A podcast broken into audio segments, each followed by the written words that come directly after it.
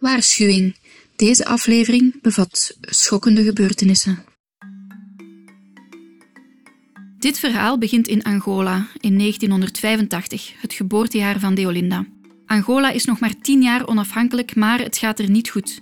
Er heerst een woelige burgeroorlog. En van een zorgeloze kindertijd is er absoluut geen sprake. Deolinda's moeder maakt hartverscheurende keuzes om te kunnen overleven. De impact van de kolonisator is nog voelbaar op alle vlakken. Welke naam je draagt, welke taal je spreekt, welke kansen je krijgt en wat je huidskleur is. De overheersing van de Portugezen die een dikke 400 jaar geleden begon, is geen blad uit de geschiedenis, maar voelbaar in het dagelijkse leven van Deolinda.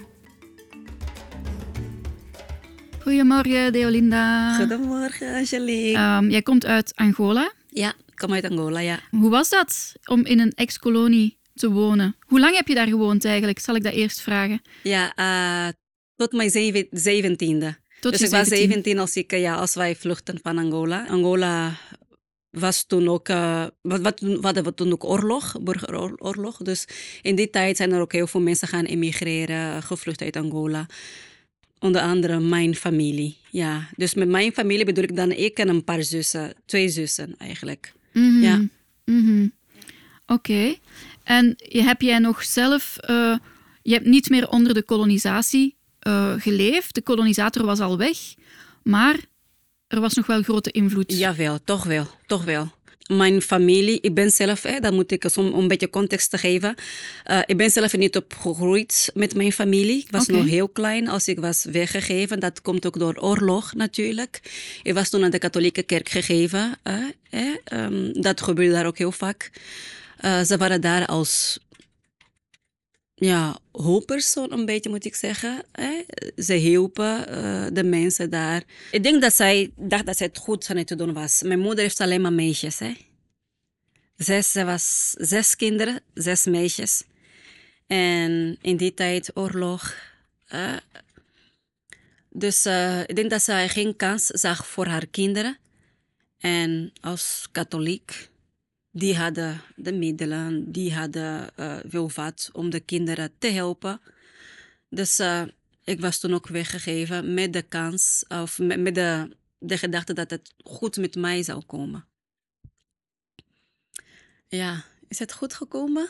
Ergens wel, maar ergens ook alweer niet. Opgroeien zonder familie, vooral zonder mijn moeder, want ik kan niet echt veel over mijn vader spreken, want ik heb mijn vader niet gekend. Je hebt geen, geen bescherming.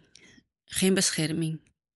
Je hebt niemand daar die van jou gaat houden, ehm, die van jou een beetje gaat behandelen als een mens. Dus al heel vroeg dat ik eh, ehm, seksuele misbruik begon eh, mee te maken. Ik weet niet op welke leeftijd. maar als ik terug moet denken, dat ik me kan herinneren, ik denk dat ik iets van negen, tien jaar was, dat ik kon zeggen van oké, dat is niet goed. Eh, fysieke misbruik, ik werd heel veel geslagen, heel, heel hard gewerkt. Ik ben nu, vorig jaar bijvoorbeeld, ik kan nu geen zware werk verrichten, want mijn handen zijn kapot. Want eh, ik ben heel jong dat ik begon te werken. Ik denk dat ik als 12 jaar oud was, dat ik al van kon doen. Want ik moest al heel vroeg koken, wassen, strijken, van die dingen. Uiteindelijk als kind, je werd dan meegenomen. Je groeit daarop. Wij leerden dingetjes doen. Hè? Want wij moesten toch wel werken en dingen verkopen en zo. Dus nou, ik werd dan ook gedoopt. eh, kreeg je dan een, een meter of een peter zo aangewezen. Eh, en als je geluk hebt, kwam je in een goede plaats terecht. Ik moet zeggen, dat was niet mijn verhaal. Eh, en daar ben ik dan gewoon eh, ja, opgegroeid. Een beetje ver van mijn familie. Een beetje, gewoon ver van familie. Eh, met onbekende mensen eigenlijk. Ehm, wat niet echt leuk was. Mhm. Ja, wat niet echt leuk was. Maar ja, ik moet zeggen, het was de hele situatie in Angola. Mhm. Ik, ik, eh, ik weet het zeker, als Angolese mensen mijn ver- verhaal horen, dan vind je toch wel 9 op 10 kinderen die zeggen van ja, ik heb hetzelfde verhaal. Ik ben niet uh, thuis opgegroeid. Ik was weggegeven. Ik uh, moest vluchten van uh, mijn geboorteplaats. Dus je bent geboren in 84, zeg maar. Hoe was de situatie? Was er toen al burgeroorlog bezig? Ja, toen was er nog steeds burgeroorlog bezig. En um, kolonisatie, toen hadden wij nog heel veel invloed van uh, Portugees. Ik moet zeggen, tot vandaag de dag is er nog heel veel invloed van de Portugezen in Angola. Op welke uh, manier dus, voel je die invloed of zie je dat? Of? Uh, vanuit de overheid. Eh, vanuit de overheid. Um, Angola is dan ook zo'n land, je hebt zeg maar die blanke Angolezen, die uh, getinte Angolezen, die halfbloedjes Angolezen. Dus daarin zie je ook de invloed van de Portugezen nog steeds. Eh, dat is ook iets die uh, eigenlijk heel negatief invloed heeft in Angola. Want je hebt die getinten die op veld werken, meestal. Die zijn, zijn dan, uh, hoe zeg je dat, lage geschoolde mensen, moet ik zo zeggen. Zijn dat en, wat ze in Congo de métisse noemen? Dus de, ja, de, de meng... ja, ja. Ja, en die zijn bij jullie een, een nu een lagere vorm? Nee, lagere jij, klasse, nee, die, of? nee, die getinte, zoals ik, de lage klasse dan. En dan hebben zij die metisse die wat meer, uh, uh, hoe zeg je dat, chance krijgen. En dan heb je ja, die blanke Portugezen die eigenlijk meer doen in Angola. Die nog meer, die steeds nog meer, meer nog macht steeds meer en macht en invloed. Uh, ja, dat vanuit de overheid. En, uh, en een beetje overal waar je naartoe gaat. Ga je in een ziekenhuis, vind je wel eentje die de dokter is. Uh, en ga je naar een bank, zij zijn de directeurs. Ga je naar de overheid ook, die, je ziet hoe het met elkaar zit. In elkaar zit. Dat is, en ja, ik, uh, ik moet niet meer spreken van kolonisatie. Ik ben dus pas 40, heb ik niet echt in de kolonisatietijd eh, ben ik daar niet opgegroeid. Maar bijvoorbeeld mijn mama nog steeds wel. Mijn oma die leeft nog steeds. En die hebben toch wel nog gesprekken over van hoe het, in, het was in hun tijd. Om een voorbeeld van te geven. Mijn mama is enige kind als meisje van haar mama. Maar dat was omdat in haar dorp, van mijn oma dus, geen, in, in haar tijd was er een, een, een moment dat er geen jongens ja, geboren of opgegroeid mochten worden. Dus als er jongens werd geboren, dan worden zo gezegd echt gewoon gedood. Wauw. Ja, en mijn oma die vertelt nog van als een vrouw zwanger was, dan moest zij van het dorp vluchten, meestal gewoon de bosjes in. En als het een jongen was, hielden die, zo, die piemel van de baby zo vast met een, met een touw. En dan trokken ze zo naar achter vanuit de, hè, de poep om, om te verbergen. Om te verbergen. Wow. Zo leek meer op een, hè, van, van een meisje en op die manier konden ze verbergen. En, en maar, dat, wat, wat, wat heeft het met de kolonisatie te maken?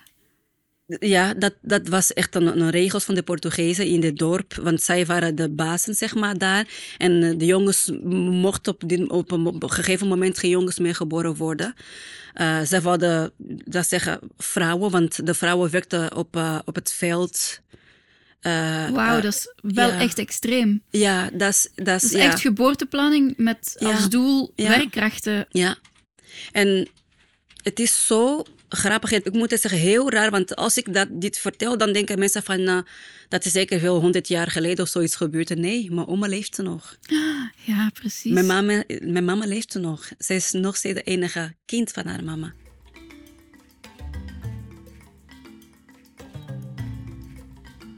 Dat heb ik ook gemerkt in ehm, het atelier Décolonisé verhaal.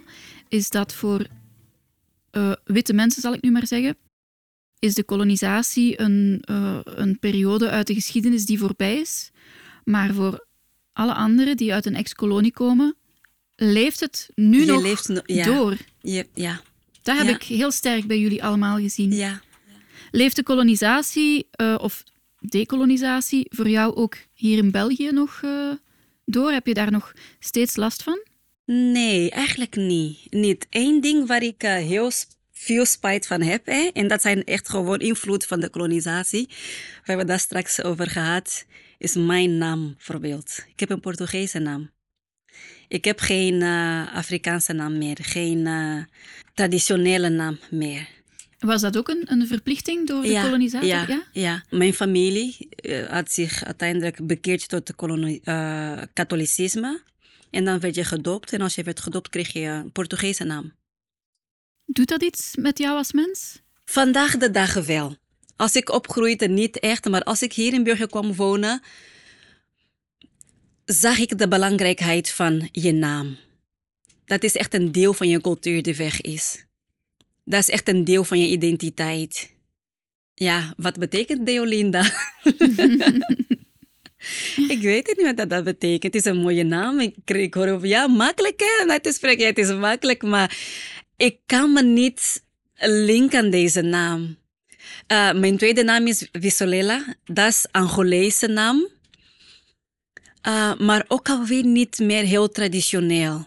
Heeft wel een betekenis, maar ook alweer niet wel een traditioneel. Dus je mist dat. En dan mijn kinderen natuurlijk ook. Die hebben ook geen traditionele naam meer gekregen. Dus ja, als we praten over cultuur, ik denk het is, het, het is heel moeilijk.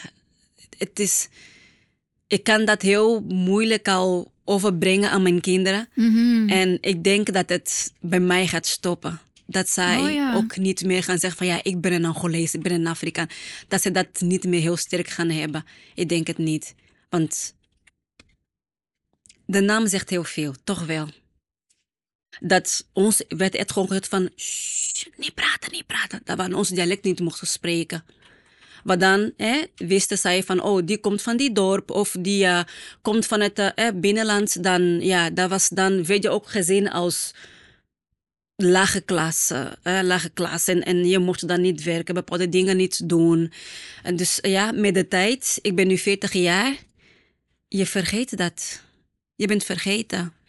Mijn zussen geen enkel spreekt dialect. Misschien de oudste verstaan het wel, maar praten, ze spreken niet meer. En, ik denk alleen mijn moeder en mijn oma. In die zin zien we dat ook hier gespiegeld in onze maatschappij, toch nog bij vele mensen, eh, dat er een soort vooroordeel is over hoe lichter je bent, hoe slimmer of hoe zo. Slimmer, of, of, hoe mooier. ja, en hoe, hoe donkerder je, je ja. bent, ja. uh, is de veronderstelling dat je misschien armer bent of minder begaafd Minder of zo? begaafd. Het, echt, ja, het is, het is heel raar, maar het is het echt. Uh, ik, heb, ik, ik zeg altijd, ondanks onze geschiedenis als, eh, mijn geschiedenis als Angolees, ik heb me altijd ik, ben heel bewust geworden van mijn raas als ik hier in België kwam wonen. En dan ineens, je bent een zwarte vrouw. Je bent een, een, eh, um, een migrant. Die namen. Je bent een arme. Je bent... Uh, en, uh, dat begon te leven in mij. En als ik hier kwam wonen, dat was heel anders.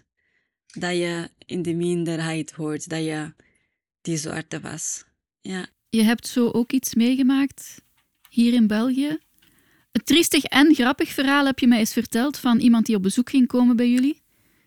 Uh, en aan het verkeerde huis stond. Dat was op school van de kleintjes. En ik woon in een, eh, in een kleine dorpje. Iedereen kent elkaar daar. En toevallig bij mij in de straat zijn er sociale huizen. En wij waren zo, zo in gesprek hè, met die mama's in de school. En we, kind, waren nieuw in dit dorp. Hè. En iemand vond van, ja, ah, zijn jullie nieuw hier? En wij, ja, we zijn nieuw. En zei, waar wonen jullie? En voordat ik, ik iets zei, zei iemand anders van, oh ja, bij die sociale huizen. En ik helemaal niet. en ja, en, en van die dingen, zei nee, zij, zij is niet waar. En het grappige is dat wij letterlijk de enige donkere mensen in dit dorp was. In die sociale huizen woonden niet eens donkere mensen. Oh, ja. Je hebt geen, geen donkere mensen daar.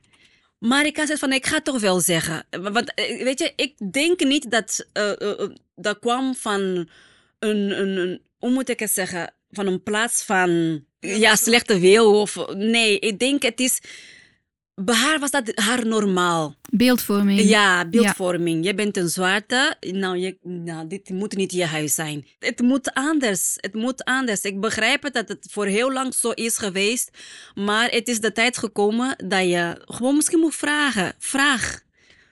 En, en dat is wat ik ook zeg tegen vriendinnen, ook eh, buren, zeg ik altijd. Een, een paar vriendinnen heb ik ook gezegd van nee, je mag het woord, de N-woord niet meer gebruiken. Dat is, dat is in deze tijd vind ik het is niet meer, dat, dat klopt niet meer. En wat, wat doet het N-woord met jou? Het maakt mij klein, het maakt mij, het zet mij apart van gewoon mensen zijn. Ik voel me zelfs als ik, ik voel me zelfs vies Mhm. Als iemand het, het N-woord gebruikt naar mij toe. Klinkt als een Het belediging. klinkt als een belediging. Denigrerend. Ik- Naar het ja. schijnt komt het woord denigrerend ook van het N-woord. Dat is iets, ik gebruik zelf niet. Ik, ik zing geen liedjes waar het woord in eh, voorkomt. Dat doe ik niet. In mijn huis niet. Mijn kinderen, die, die, eh, horen het woord niet. Dat doe ik niet. Nee, nee, nee. Ik vind het moet niet meer gebruikt worden. Nee. Mhm. Heeft Atelier Decolonisé voor jou iets kunnen betekenen daarin? Jawel, jawel. Het feit dat wij konden praten en zeggen van kijk, jij hebt mij pijn gedaan. Niet per se jij, maar wat jij bent, jouw identiteit representeert iets voor mij. En dat was gelinkt aan haat, aan een bepaalde pijn. En ik moest dan dat scheiden van elkaar van kijk, het is de persoon en niet, dat is een persoon. En verder gaan dan je huid, dan, dan, dan je, eh, hoe zeg je dat? Wat Eh, je representeert. wat je rep- ja, ik moest verder gaan dan dat. Dus ik vond het eigenlijk een heel fijne eh, ervaring, hè? een fijn ehm, moment. Dat wij zo naar elkaar konden kijken en, en met elkaar praten. Uiteindelijk ben ik ook erachter gekomen dat wij gewoon dezelfde pijn droegen. Want pijn is pijn. Super mooi, Deolina. Ik ben heel blij voor jou. En dan zitten we terug bij het begin van het gesprek. Toen je zei, het gaat eigenlijk gewoon goed met mij. Ik heb, Ja, ik heb harmonie. ja. Hoe mooi is dat?